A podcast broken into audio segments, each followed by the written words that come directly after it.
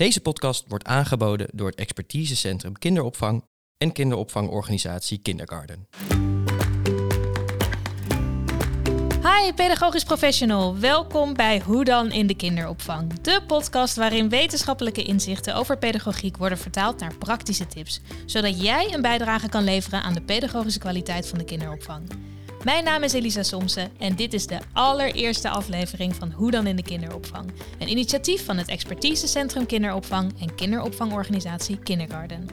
Ik zit vandaag aan tafel met de twee allereerste gasten van Hoe dan in de kinderopvang. Wat ontzettend leuk dat jullie er zijn. Uh, van Tuil, lector aan de uh, Hogeschool Saxion, aan de Academie voor Pedagogiek en Onderwijs. En ook universitair docent uh, pedagogiek aan de Universiteit van Utrecht. Cathy, Kun je wat over jezelf vertellen? Ja, uh, nou, je hebt me al even qua functie voorgesteld. Geïntroduceerd. En uh, ja, ik, ik vind het gewoon heel mooi om uh, aan de praktijk te mogen bijdragen met wetenschappelijke inzichten. En die vroegkinderlijke ontwikkeling en de rol van de omgeving daarbij is gewoon ontzettend belangrijk. Is een van de fases in het leven die die het meest dynamisch is, waar het meest gebeurt en uh, die ook de toon zet voor je latere leven. Dus een heel belangrijke fase. Dus ja, heel mooi om uh, ook vandaag ook hier iets uh, te mogen vertellen daarover. Ja, ontzettend fijn dat je er bent. Dank. en naast jou zit Nicole, Nicole Honig, pedagogisch expert plus bij Kindergarten. Nicole, kun je wat vertellen over je achtergrond en je functie? Ja, nou als eerste dank je wel uh, dat ik hier mag zijn. Vind ik echt uh, superleuk. Um, ik ben begonnen in de, uh, op een peuterspeelzaal. Heel veel jaren geleden. Um, en daarna um, op een peuteropvang voor kinderen met een taalachterstand. Ik heb ook nog op een basisschool gewerkt met kleuters, ook met een taalachterstand. En ja, op een gegeven moment kwam kindergarten bij mij in het vizier. En uh, die visie sprak me zo enorm aan. En uh, ik werk nu twee jaar bij Kindergarten. Um, eerst begonnen als pedagogisch medewerker, daarna als PE en nu als uh, PE+. Nou, PE is eigenlijk een soort vorm van meewerkend coach. Ik werk vast op één vestiging en coach het team en help daar waar nodig is. En um, Gewoon helpt waar nodig is. Ja, precies. Ja, nou ja, ontzettend belangrijke functie, denk ik, in, uh, in de sector. Fijn dat je er bent. Ook heel fijn om jouw praktijkervaring uh, vandaag uh, te horen en te kunnen koppelen aan nou ja, de pedagogische inzichten die Cathy met ons kan delen. Um, de pedagogiek is uh, ontzettend um, innoverend en er is altijd zijn er wel nieuwe inzichten. en ik heb jullie van tevoren gevraagd: zijn er dingen die uh, zijn opgevallen de laatste periode die je graag zou willen delen hier? Uh, want hoe meer we van elkaar kunnen leren, hoe mooier dat is. Um, mag ik met jou beginnen, Nicole? Ja, zeker. Ik zag op LinkedIn van een pedagogisch trainer zag ik een, een filmpje wat zij had gedeeld. En uh, na het zien van dat filmpje uh, kon ik dat eigenlijk meteen uh, koppelen aan mijn eigen werkveld. Um, en dat filmpje, um, vertelt Annette Nobuntu Mul over Ubuntu. En Ubuntu is een Afrikaanse ethiek, leefstijl. Um, en eigenlijk over, gaat het over respectvolle relaties en hoe ga je met elkaar om. En aan het eind van dat uh, stukje vertelde zij uh, dat zij had een, uh, een, Afrikaanse man gesproken en die had mais gestolen. nou, zij zegt dan ook, in ieder land wordt st stelen veroordeeld. Um, nou, tijdens de dorpsbijeenkomst werd dat uitgebreid besproken. Um, nou, het is een strafbaar feit, dus het is heel erg dat hij mais had gestolen. Um, maar die raad die dorpsraad die zei uh, ook van ja, uh, het is eigenlijk nog erger dat je van de community hebt gestolen. Um, maar wat misschien, wat we nog wel erger vinden, is dat je geen hulp gevraagd hebt. want hulp vragen in Ubuntu is, is een hele eer. Want dan geef je aan, jij hebt mij nodig. Um, maar eigenlijk het allerergste, volgens die dorpshoofd, um, was wij hebben niet gezien dat jouw gezin honger had.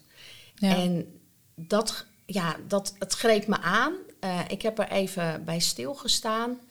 Ehm, en nu eigenlijk ook ehm, met deze podcast uh, kon ik het gewoon nog meer ehm, ja, koppelen aan mijn eigen werkveld.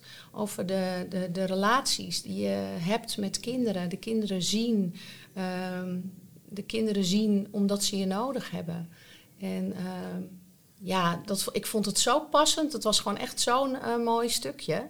Dat, ja, ik vond het echt heel goed passen bij ons in de kinderopvang.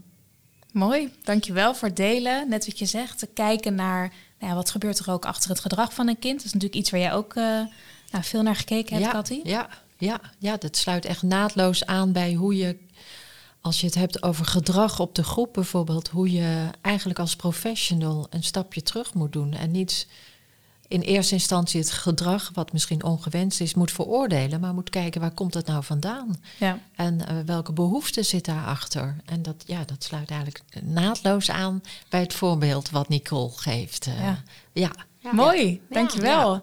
En jij, Cathy, wat is jou opgevallen deze week? Ja, ik, ik lees telkens over de tekorten op, uh, in de, aan, aan, personeel in de, in de opvang. En uh, het is zo jammer, want het is zo'n belangrijk beroep.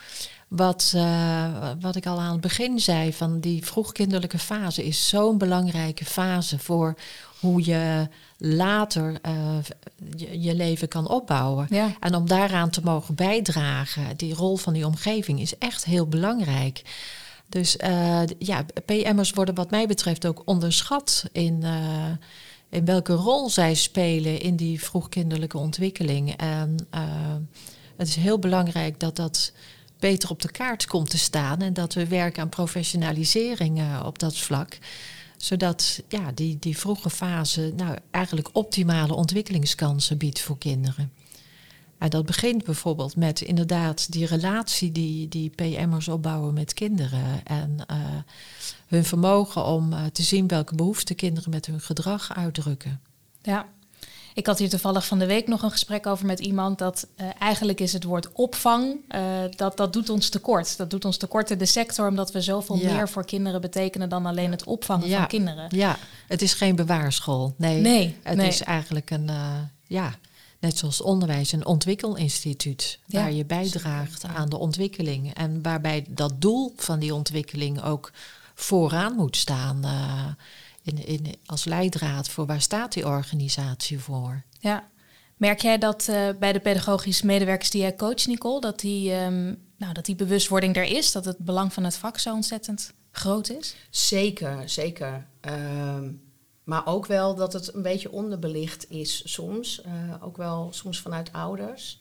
Die uh, ook denken van ja, jij gaat vandaag de hele dag met mijn kind spelen. Uh, terwijl zeker ook mijn collega's zich ervan bewust zijn van ja, maar wij doen veel meer dan dat.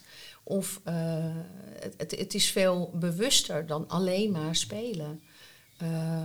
dus collega's zijn zich daar zeker van, van bewust.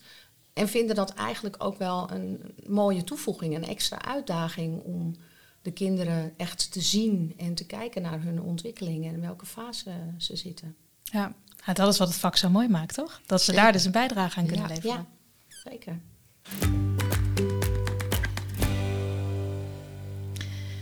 We zitten vandaag bij elkaar om het te hebben over begrenzen van gedrag. Iets wat uh, elke pedagogisch medewerker dagelijks doet, uh, zich misschien daar niet eens altijd bewust van is, maar iets wat je natuurlijk elke dag tegenkomt. Uh, het is een belangrijke taak voor pedagogisch professionals van jonge kinderen. Um, en ze leren, kinderen leren onder andere om zich aan te passen aan de regels en routines in hun omgeving.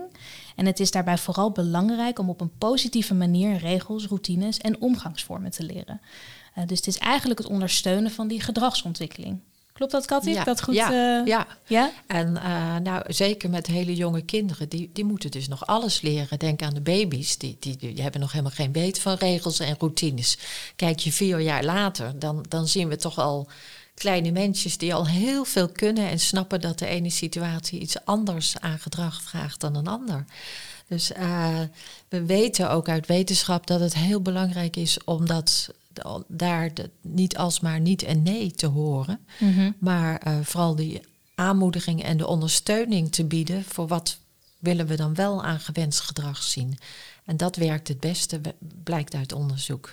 En dat, je ontkomt er niet aan dat je wel eens gedrag moet begrenzen. Want uh, de, de, de, veiligheid van kinderen, andere kinderen, staat soms uh, anders uh, ter discussie als je dat niet doet.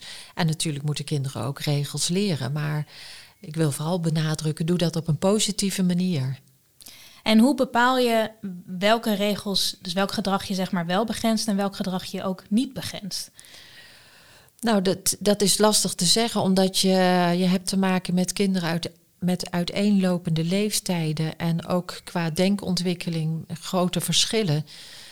Dus soms dan uh, ja, kan je met een hele kleine terechtwijzing even je wenkbrauw ophalen. Kan een kind al snappen, hé, hey, hier ga ik de gevarenzone in. Mm-hmm. Maar andere kinderen moet je op een andere manier begrenzen. Moet je gewoon eventjes uit een situatie halen, omdat ze eigenlijk jouw signalen nog niet begrijpen. Denk aan bijvoorbeeld ja, baby's of treumissen die, die een ander kind bijten.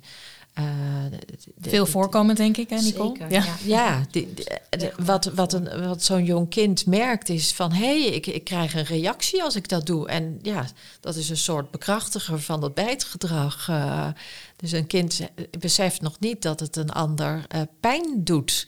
Nou ja, als zo'n kind nog te jong is om daar de regel te begrijpen van... je mag niet bijten, want dan doe je een ander pijn ja, dan moet je hem gewoon even uit die situatie halen.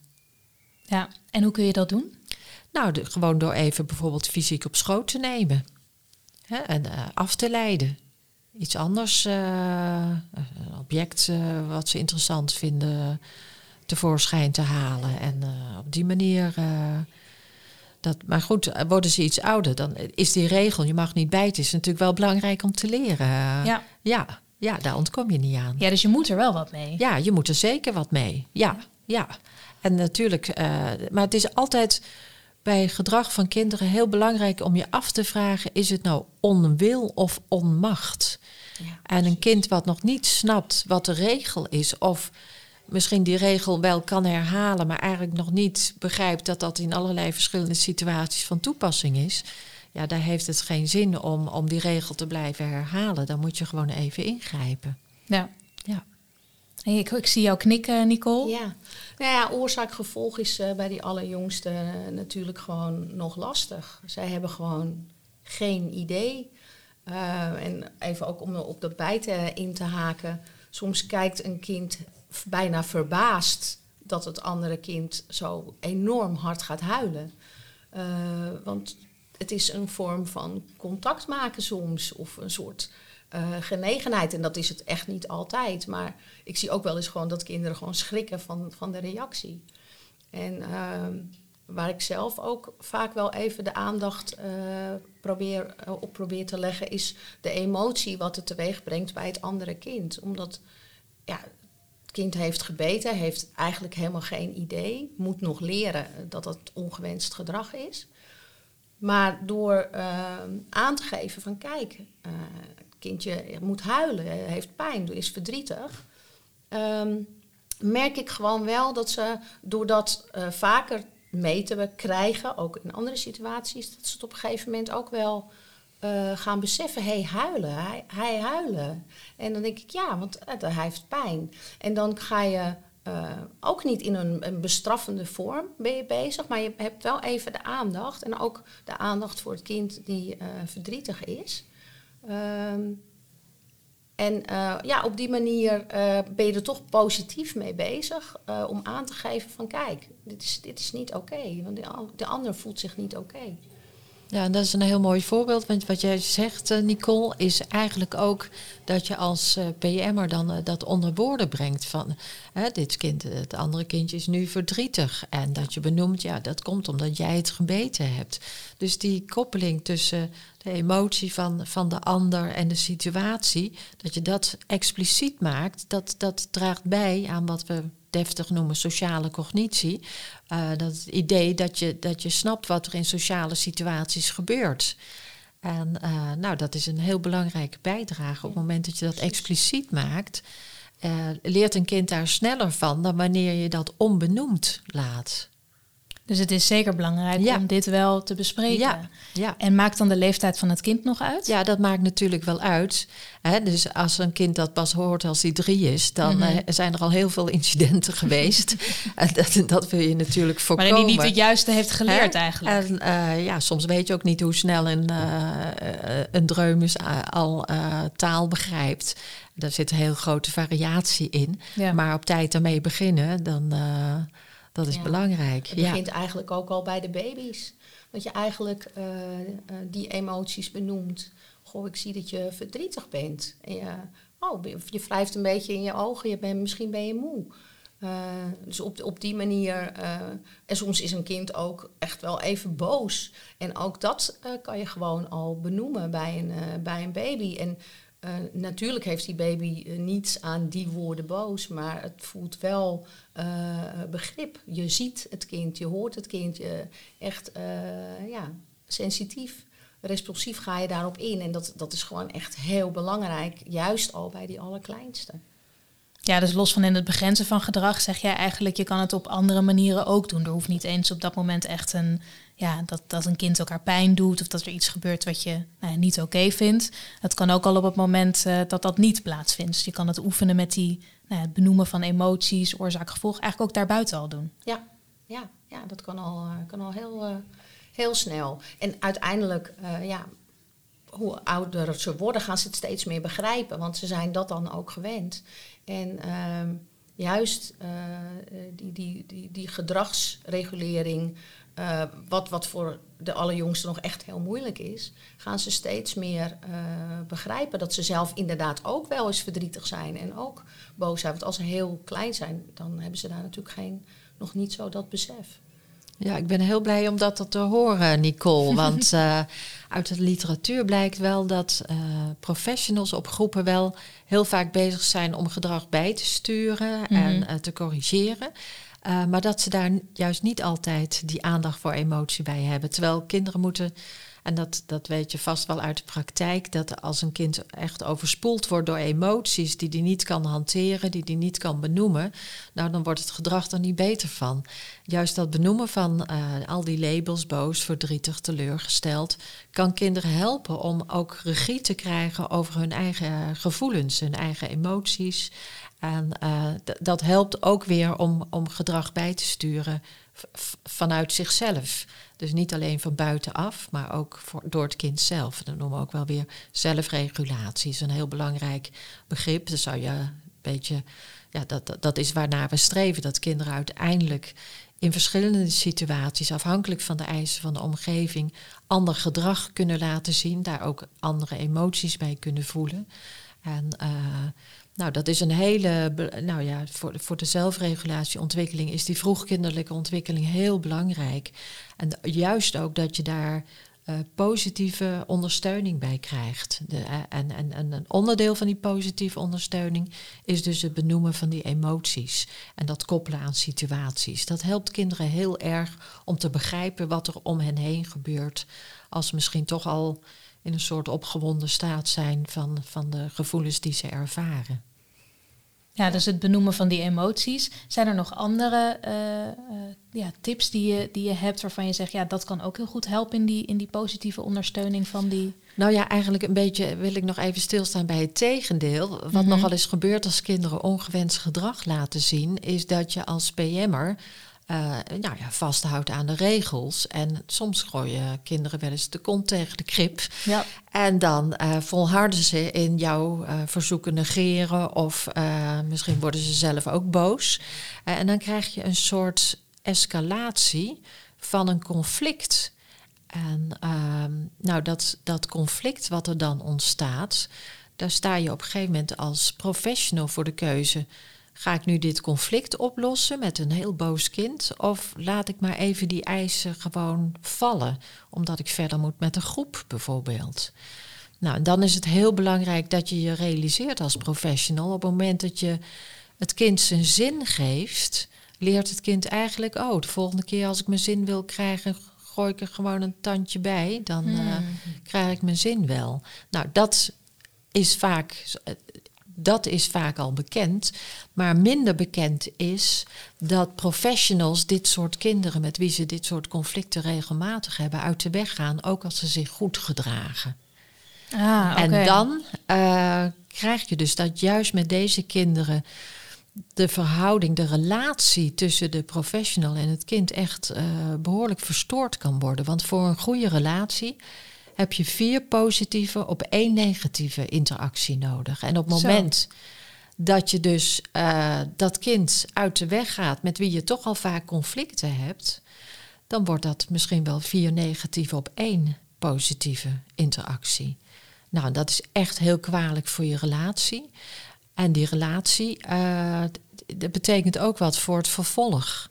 Het kind zal dat ook voelen, denk ik. Het als- kind voelt zich afgewezen Ja. en eh, vraagt misschien eh, in een poging om toch nog in beeld te komen, weer opnieuw op een negatieve manier aandacht. Ja.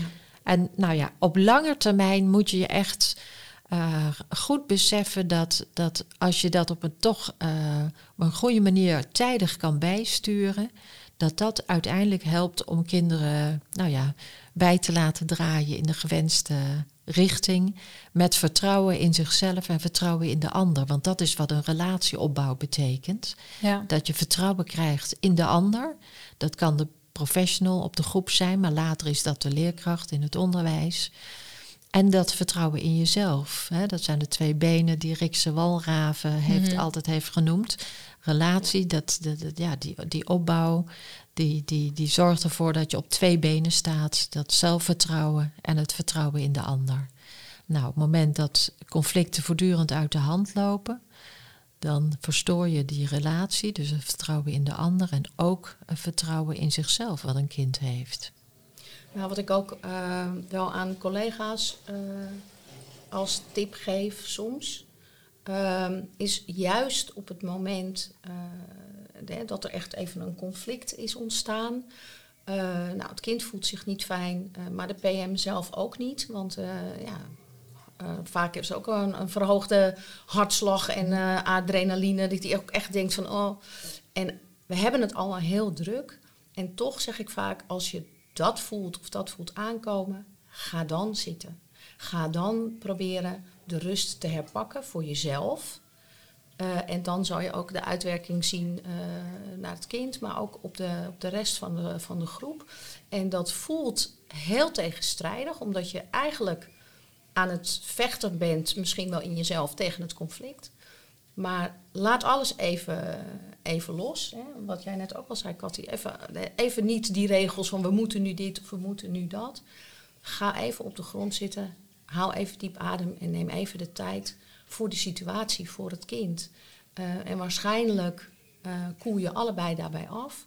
En ehm, de groep eh, pakt dat ook positief op. Want je, je bent dan in gesprek met het kind, je gaat verwoorden wat er gebeurde. Maar probeer echt die rust even eerst zelf te pakken. Ehm, en nou, er zijn ook collega's die dat inderdaad dan wel gedaan hebben. En die achteraf zeggen, ja, ik, ik, ik voelde het niet. Want ik voelde eigenlijk dat ik dacht, ik moet even van de groep Ik af. ben, ik ben er klaar mee. Ja, mijn collega moet het even overnemen. En ik dacht, oké, ik ga het toch doen. Ik ga nu op de grond zitten. En het, eh, ja, het, het, moment draaide gewoon. Het, eh, eh, ik werd zelf rustig, het kind werd rustiger. En eigenlijk kort daarna konden we gewoon wel datgene doen wat we wilden gaan doen. Ja, dus eigenlijk zeggen jullie, even los van dat je een kind moet helpen in het reguleren van gedrag, je bent je eigen gedrag ook aan het reguleren. Ja, daar zit echt een dubbele opdracht van de, de professional op de groep. Je hebt dus kinderen die nog alle regels moeten leren. Hoe ze zich moeten gedragen, hoe ze mo- moeten omgaan met anderen. Dat ze aan tafel moeten blijven zitten tijdens het eten. Noem maar op, hoe je mensen begroet bij, bij binnenkomst en afscheid. Dat moeten ze allemaal nog leren. En die kinderen moet jij dus gaan helpen om dat allemaal tegelijkertijd te leren. En tegelijkertijd in die hectiek dat kinderen voortdurend falen en een beroep doen op jouw geduld, moet je dus ook je eigen zelfregulatie zien te hanteren. Je eigen gedrag en emoties eh, hanteerbaar houden. Dus dat is, het is echt een heel zwaar beroep. Ja. Wat dat betreft, eh, kom eens een keer kijken op de groep en je ziet dat er voortdurend allerlei incidentjes zijn. En uh, ja, dat, nou ja, in die hectiek uh, opereren, dat, dat is echt wel een hele opgave. Ja, dat vraagt veel van je ja. als, uh, als professional. dat vraagt dus ook dat je lekker in je vel zit. Want anders uh, ja, dan heb je onvoldoende buffer om daar goed op de groep te staan. ja. Ja, heb jij dat wel eens meegemaakt, Nicole? Dat je echt dacht, nou, ik weet het even niet. Natuurlijk. Ja. En ook wel dat je verschillende nou positieve gedragsaanwijzingen ook wel hebt gedaan. En op een gegeven moment ineens bekruipt je het gevoel, en nu ben ik er klaar mee. Uh, en ja, dan is het heel fijn, en dat had ik gelukkig, uh, als je gewoon een collega hebt waar je goed mee kan samenwerken, die op een gegeven moment het gewoon aan mij zag en die zegt, weet je wat, ga jij heel eventjes, neem even een kop koffie, ik neem het even van je over. Uh, want je hebt allemaal, je bent allemaal gewoon mens en je hebt allemaal wel zo'n moment dat je denkt, ja, nou, nu is het ook even klaar. En dat mag natuurlijk ook. Je mag op een gegeven moment ook echt wel even aan een kind duidelijk maken van nou, hè, er zijn ook grenzen. Um, alleen Ehm, wat Cathy net al zei, dat kan niet op een hele negatieve manier. Uh, dat moet toch, uh, ja, daar moet ook de positiviteit ehm, tegenover staan. Of de situatie, het kind uit de situatie halen, de, de situatie ombuigen. Maar het komt echt wel eens voor dat je gewoon even, als je zelf slecht geslapen hebt, dat je het gewoon even niet meer redt. Ja, en dan is het wel heel fijn als je collega dat ziet of dat je daarop terug kan vallen. Uh, en dat, dat geluk uh, had ik. Uh, dus eigenlijk ook een, een tip aan collega's. Heb ook echt oog voor elkaar en help elkaar daarin. Steun elkaar daarin. Als je een huilbaby hebt, dan, dan kan je daar op een gegeven moment gewoon echt wel even moeilijker tegen. En als er dan ook nog een kind, een ander kind gaat bijten, dan is dat ook nog weer een soort druppel. Ehm, ja, steun elkaar. Ja, en, allemaal en, je hoeft niet perfect te zijn. Hè? Juist moet je het ook wel een beetje zoeken in die aanvullende kwaliteiten. Want als PM'er heb je natuurlijk ook uh, bepaalde allergieën voor nou ja, type gedrag of type kinderen. Uh, en dan is het heel fijn als je duo uh, het op, juist op, op dat soort momenten kan overnemen. Ja, ja, ja, je hoeft ook niet perfect te zijn. Hè? Het blijft ook wel mensenwerk. Nou, je bent denk ik ook als opvoeder ook anders soms, ook qua normen en waarden en hoe je zelf ook bent opgevoed. Ja. ja. Um, en als jullie het hebben over die positieve gedragsondersteuning, want uiteindelijk uh, hopen we natuurlijk dat, dat dat het meeste gebeurt. Weet je wat, wat Cathy net al zei? Uh, hoe groot het effect is, daar, daar was ik echt van geschrokken. Dat je dus uh, vier positieve interacties op één negatieve moet hebben. Nou, dat is dat is bizar als je, er, als je ervan uitgaat hoeveel interacties je dan moet hebben als je er één negatieve hebt gehad. Um, maar hoe doe je nou dat begeleiden op een positieve manier? Hoe doen we aan positieve gedragsondersteuning? Ik denk dat het heel goed is om uh, zeg maar goed na te denken over je groepsmanagement. Daar kan je heel veel uh, onduidelijkheden uh, en dergelijke weghalen. Je kunt echt proactief zijn. Dus uh, speelgoed waar op dit moment even niet mee gespeeld mag worden, leg je natuurlijk niet open en bloot neer voor kinderen, want dat is vragen om problemen. dus dat is één aspect, het groepsmanagement, duidelijke regels, ook op één lijn zitten met je duo-partner, hoe je dat in grote lijnen vormgeeft. En daarnaast eigenlijk die, dat noemde Nicole al, uh, die sensitieve responsiviteit wil zeggen dat je gevoelig bent voor welke signalen kinderen kunnen geven. Want kinderen kunnen nog niet hun hulpvraag verwoorden. Kunnen nog niet zeggen, hey, help mij eens even om dit conflict op te lossen. Nee, dan beginnen gewoon te huilen als ze een conflict hebben. Mm dus het gevoelig zijn voor signalen die goed kunnen interpreteren en daar tijdig op reageren. Met daarbij heel belangrijk dus die, waar we aan het begin van deze uitzending het over hadden, het snappen, het proberen te begrijpen waar komt dit gedrag vandaan? Wat is eigenlijk de vraag achter het gedrag? En dat goed in, in, in de picture hebben. Dat vraagt heel goed observeren. Ook snappen wat ging er eigenlijk aan gedrag vooraf. En uh, hoe wordt daar meestal op gereageerd. En ook dat je ook bedenkt van hé, hey, nu laat een kind dit gedrag zien, maar op een ander moment zie ik dit gedrag helemaal niet bij dit kind. Hoe, hoe kan dat dan?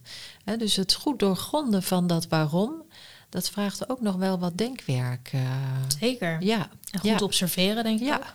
En dan is het gewoon toch uiteindelijk een hele concrete gedragsregel voor PM'ers. Complimenteren in het groot en corrigeren in het klein. Kijk, die laat ik even vallen. Ja. Die is mooi. Complimenteren in het groot, corrigeren Ja, in het klein. Dus eh, laat vooral eh, aan alle andere kinderen zien dat een bepaald kind, gedrag zich, eh, een bepaald kind zich heel goed gedraagt. Want dat maakt dat het ook wens dat andere kinderen denken: oh, dat complimentje wil ik ook. eh, die pak ik. die pak ik. Ja. En corrigeren doe je in het klein. Hè? Dat maak je niet groter dan strikt noodzakelijk. Gewoon wat Nicole net al zei: even de tijd nemen met een kind op de grond om na te gaan wat gebeurt hier nou. Ja. Ja. En daar hoef je niet per se de rest van de groep bij te betrekken. Nee, dus een stuk groepsmanagement vraagt denk ik ook veel samenwerking met je collega, wat natuurlijk Ja. Nicole net ook, al, eh, ook al aangaf. Ja. Ehm, Orde en regelmaat, hè? Orde daar en zijn we natuurlijk eh, van. Ja. Rust op de groep. Maar het maakt ook dat het duidelijk... Kijk, duidelijke regels maken en duidelijke routines... Hoe, hoe doen wij eh, het aan tafel gaan? Eh, wat voor signalen zijn we dat we het speelgoed moeten gaan opruimen? Gebruiken we daar een liedje voor of iets dergelijks? D- dat maakt dat kinderen ook veel makkelijker die regels leren... dan wanneer het de ene keer zus en de andere keer zo eh, gebeurt.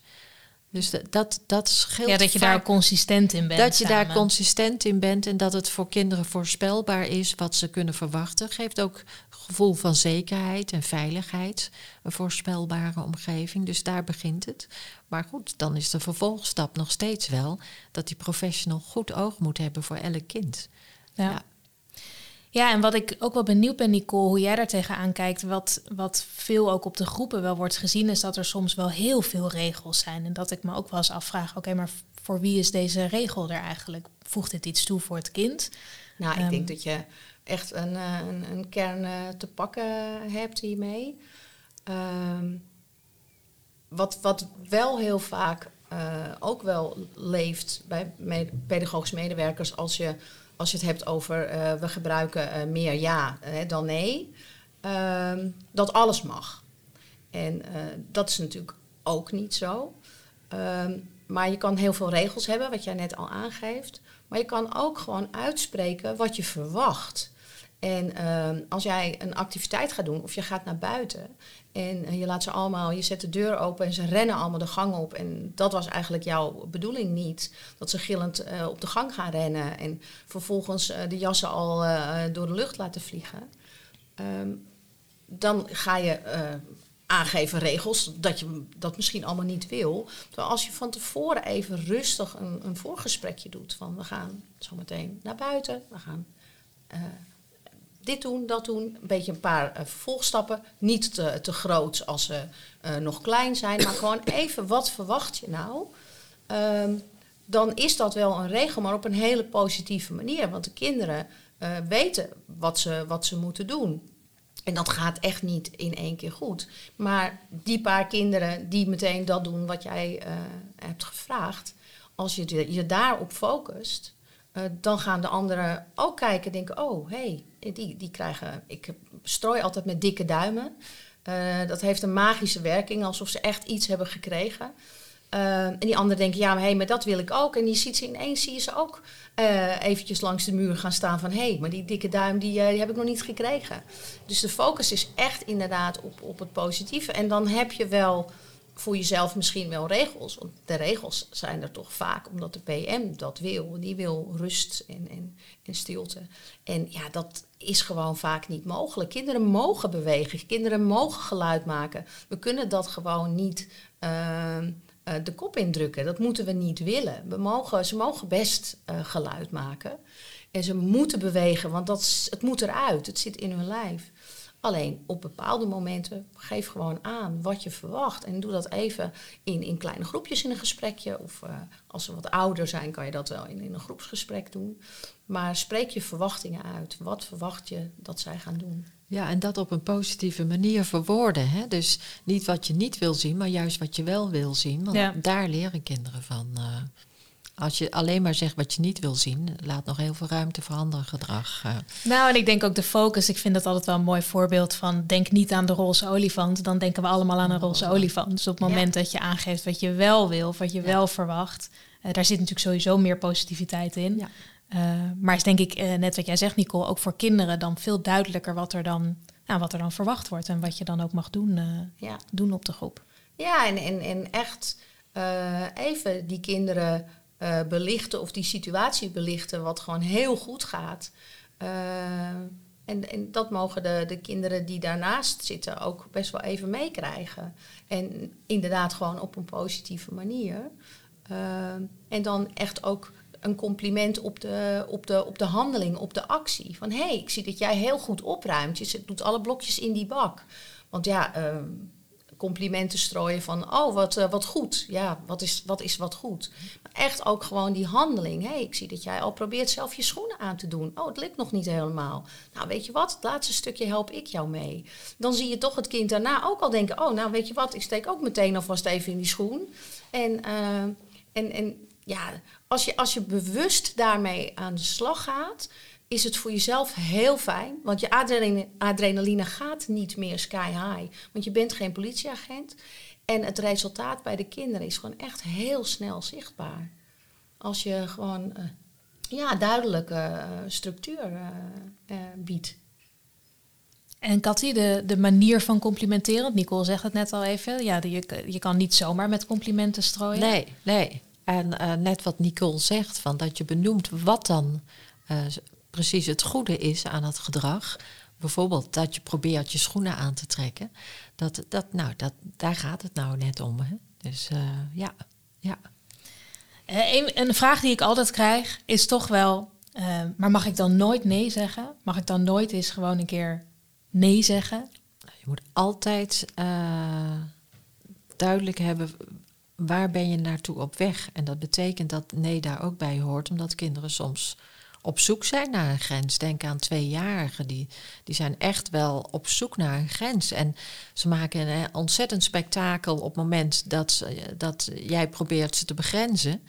Maar uiteindelijk biedt dat ook veiligheid en zekerheid aan kinderen. En eh, ik denk dat het. eh, maar het gaat er wel om op, op, op welke manier zeg je nee. Dus Mhm. met of zonder machtsuitoefening is heel belangrijk. Dus op het moment dat je kinderen gaat dwingen, dan eh, werkt dat op de lange termijn negatief. Op de, op de- misschien hier en nu even krijg je kinderen mee, maar op de lange termijn wer- werkt het negatief. Eh, op het moment dat je dat met nou ja, milde machtsuitoefening doet, eh, overreding, ja, dan, dan, dan kom je toch een eind verder. Ja, En vooral ook als je er al bij benoemt wat je ziet. Ik zie dat. Eh, of eh, ik, ik, ik zie dat je verdrietig bent. Of ik zie dat je boos bent. Maar en dan, dan kan er wel een uitleg bij zijn. Waar misschien het woordje nee of, of, eh, of niet in voorkomt. Maar nee, niet doen, niet doen, stop. Dat gaat niet werken. Dat is echt... Nee, dat is dan ook geen duidelijke Nee, het opdracht is, eigenlijk. precies. En eh, dus dat gaat niet werken. Maar ja, het woordje nee eh, ja, komt natuurlijk wel eens eh, voor. Maar afhankelijk ook van, van de situatie. Maar benoem wat je, wat je ziet, wat er gebeurt. Dat is eigenlijk het verwoorden van de situatie. Mooi, goede tip. Dat is natuurlijk waar we het in het begin van dit gesprek ook al over hadden. Juist weer dat benoemen. We komen eigenlijk weer in een loopje terug ja. naar het benoemen van die emoties. En waar ik nog even naar benieuwd ben, is hoe, eh, in hoeverre is de samenwerking met ouders hier nog in belangrijk? Ja, dat is heel belangrijk. We weten dat kindontwikkeling gedijt bij contexten die op elkaar zijn afgestemd. Dus als kinderen thuis een hele andere aanpak krijgen dan op de kinderopvang, dan, dan geeft dat verwarring. Uiteindelijk kunnen ze daar best mee leven hoor, maar het, het is gewoon, geeft een minder goed resultaat dan wanneer die twee milieus elkaar ondersteunen. En ehm, voor ouders van jonge kinderen is de opvang zo'n belangrijke steunpilaar vaak. Omdat de professionals, eh, ja, die hebben de hele dag te dealen met allerlei eh, kwesties. Of het nou gaat om zindelijkheid of eh, bepaald voedsel leren eten of iets dergelijks. Omgaan met anderen. Waar ouders natuurlijk dat maar een beperkt aantal keren in hun leven meemaken. Ehm, Ja. Dus daar themaavonden uh, over organiseren, maar ook bij de aanmelding al bij stilstaan van hoe belangrijk je het vindt om met ouders daarin samen te werken en wat jouw visie is op uh, hoe je gedrag wil ondersteunen, uh, is voor ouders ook vaak heel leerzaam. Ze staan in die fase ook heel erg open voor tips en adviezen van experts zoals die professionals zijn. Ja, maar ik denk ook wel dat we Ehm, daar weer meer tijd voor uh, moeten maken. Ja. Toch door de coronatijd uh, heeft dat echt een, een streep er doorheen gezet. En we hebben nu, ja, ik zeg altijd maar, een generatie ouders die eigenlijk gewend zijn om kind bij de deur af te geven. Ehm, en we moeten daar weer, weer naar terug. Dat we gewoon weer tijd gaan vrijmaken om even gesprekjes te hebben, dan alleen maar even heel kort bij de deur. Ja. Um, omdat het zo belangrijk is dat je, uh, ja, dat je samen met die opvoeding bezig bent. En het was toch een beetje naar de achtergrond verdwenen. En ehm, de behoefte is er. Ik merk bij collega's is de behoefte er, maar ook bij ouders. Dus ik denk echt dat er een, een, echt wel weer een nieuwe taak voor ons is.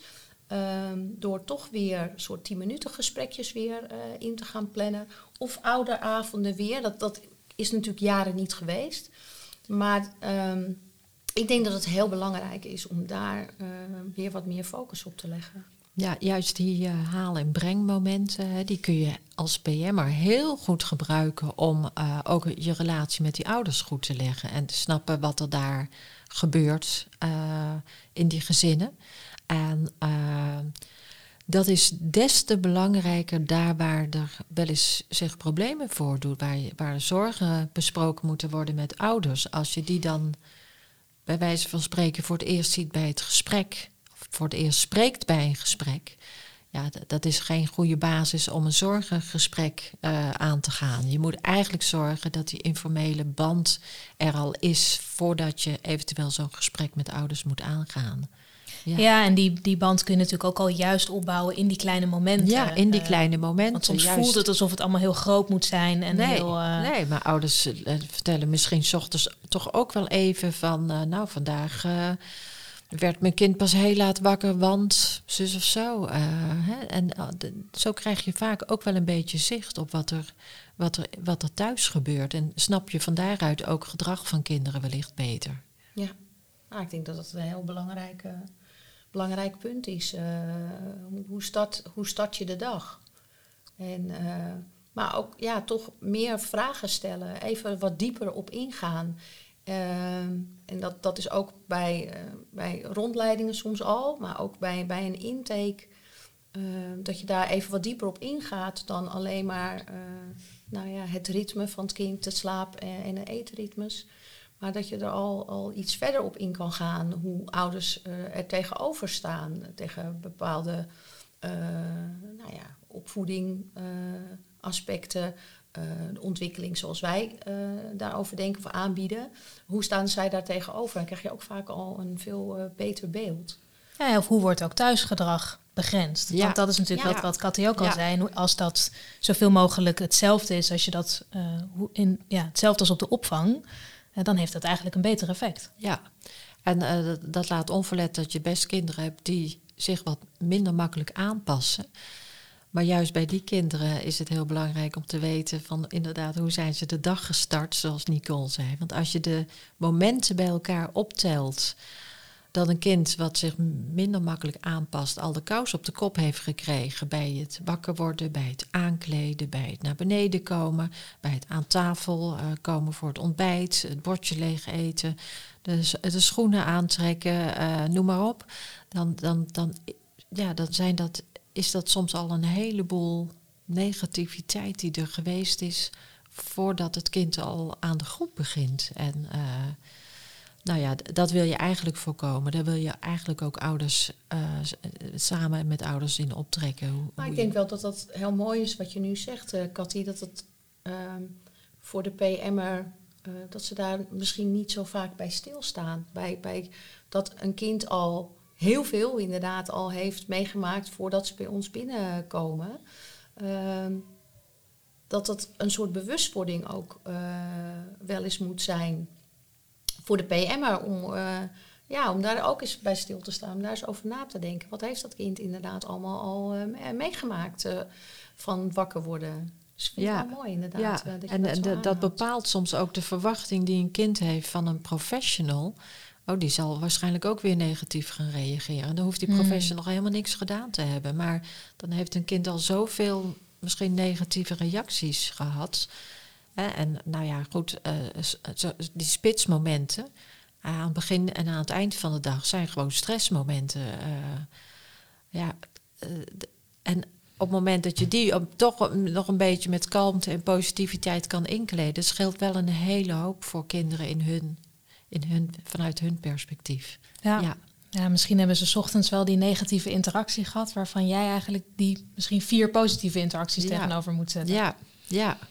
Dus ouders meenemen in uh, de dikke duim van Nicole en, en benoemen wat, je, uh, wat je aan goed gedrag hebt gezien. Dat, dat is heel belangrijk. ja. ja.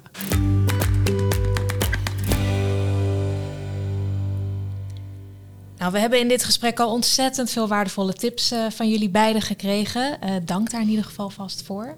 Um, we hadden het uh, aan het begin van, van dit gesprek het er ook al over. Er gebeurt van alles in de branche, maar er is ook heel veel mooie informatie die we met elkaar kunnen delen. Um, ik heb jullie beiden gevraagd of jullie een tip hebben om, om te delen met Pedagogisch Professional. Om zo de kennis weer nou ja, wat verder uit te breiden en ook weer ja, bij te kunnen dragen aan de pedagogische kwaliteit. Cathy, mag ik bij jou beginnen? Ja, ik heb eigenlijk twee tips. Eentje voor de professional op de groep en één voor de pedagogische coach. Die voor de professional op de groep. Er is een heel prachtig boekje Trapsgewijs, uitgegeven door het CED. En daarin uh, wordt bij drie typen aandachtvragend gedrag stilgestaan van hoe kun je nou, uh, nou hoe kun je goed observeren, hoe kun je de behoeften uh, van een kind achter het gedrag duiden. Wat zou een mogelijke aanpak kunnen zijn, maar ook hoe je die evalueert en eventueel, ja, als je het niet juist hebt ingeschat, weer opnieuw zo'n cyclus ingaat. Een heel bruikbaar, heel praktisch, mooi vormgegeven boekje. Uh, dus die voor de professional op de groep. En uh, voor de pedagogische coaches, die zou ik heel graag willen verwijzen naar de website Center on the Developing Child. Is een Engels, dat is een Amerikaanse website van de Harvard University. En daar staat ontzettend veel bruikbare uh, informatie in de vorm van uh, korte videoclips, maar ook uh, korte beschrijvingen van hoe belangrijk die vroegkinderlijke ontwikkeling is en welke rol de omgeving daarbij kan spelen. Met name de interactie van opvoeders met jonge kinderen, die staat daar centraal. En ja, ik vind dat elke keer weer een, een prachtige website uh, met, met ja, hele ja, kort samengevatte wetenschappelijke bevindingen van deze tijd. En dan echt de kern waar het om gaat. Die, ja, hoe gaan wij om met jonge kinderen en hoe proberen wij uh, daarmee hun ontwikkeling te stimuleren? Mooi, dank. Ik, eh, ik heb hem opgeschreven. Ik, ga er zeker even induiken. En jij, Nicole? Um, nou, ik heb als uh, tip uh, voor de professionals op de groep het boek Vrolijk van Mies van Hout. Het is een boek zonder tekst. Het zijn allemaal vissen met verschillende emoties. Um, en ja, je kan het gesprek aangaan uh, met kinderen over die emoties, wat ze zien. Uh, je kan het uh, terugkoppelen naar de praktijk. Um, kinderen die, de jongste dreumen bijvoorbeeld, die nog niet zo talig zijn, die kunnen ook aanwijzen, zodat jij het gaat verwoorden. Ehm, je kan een, een interactief gesprek aangaan. Ehm, op de BSO zou je emoties ook na kunnen tekenen. Het zijn hele mooie tekeningen van vissen, een hele mooie illustraties met heel veel kleur dat het spreekt de kinderen meteen aan. En uh, in die illustraties zit zoveel uh, emotie. Uh, waar je, nou, ik, ik, als je iedere dag in dat boek zou kijken, dan zie je iedere dag wel weer iets. En kinderen gaan daarop reageren. Ehm, en je kan, je kan daar echt wat mee. En ik denk dat je uh, door die mooie illustraties, door die mooie platen, dat je heel veel ja, teweeg brengt, ook bij die kinderen, maar dat ze het gaan begrijpen. Dat ze, dat ze eigenlijk gaan leren over de, hun eigen emotie, emotie van de ander. Dus ik vind het echt een, een, een aanrader, het boek Vrolijk. Leuk, dankjewel. Nou, met deze leuke tips sluiten we de aflevering van vandaag af. we zijn aan het einde gekomen. Katty, Nicole, ontzettend dank. Ik heb ontzettend veel waardevolle inzichten voorbij horen komen. En ik hoop uh, dat het uh, pedagogisch professionals weer uh, verder helpt. En dat ze weer nou ja, met frisse nieuwe inzichten de groep op kunnen vanaf morgen. Um, voor meer informatie over het begrenzen van gedrag en andere onderwerpen op het gebied van pedagogiek van de kinderopvang, kijk dan op de website van het Expertisecentrum Kinderopvang www.expertisecentrumkinderopvang.nl. Daar staan ontzettend veel uh, onderwerpen uitgewerkt en ook over positieve gedragsondersteuning. Dus wil je ook alles nog rustig even kunnen nalezen uh, of ben je op zoek naar bepaalde tools, uh, die zijn ook op de website te vinden. Volgende maand zullen we in gesprek gaan over kinderparticipatie op de groep. Dus heb jij nou een vraag over kinderparticipatie die je wil stellen aan de experts waarmee ik dan aan tafel zit? Dan kun je een mailtje sturen naar podcast.expertisecentrumkinderopvang.nl of check de show notes voor meer informatie. Hier zal ik ook, uh, zal ik ook de tips in opnemen, zodat je die uh, nou rustig kan teruglezen. En mocht je zeker willen weten dat je onze volgende afleveringen niet mist, druk dan op het belletje zodat je een melding krijgt wanneer hij online staat. Tot de volgende!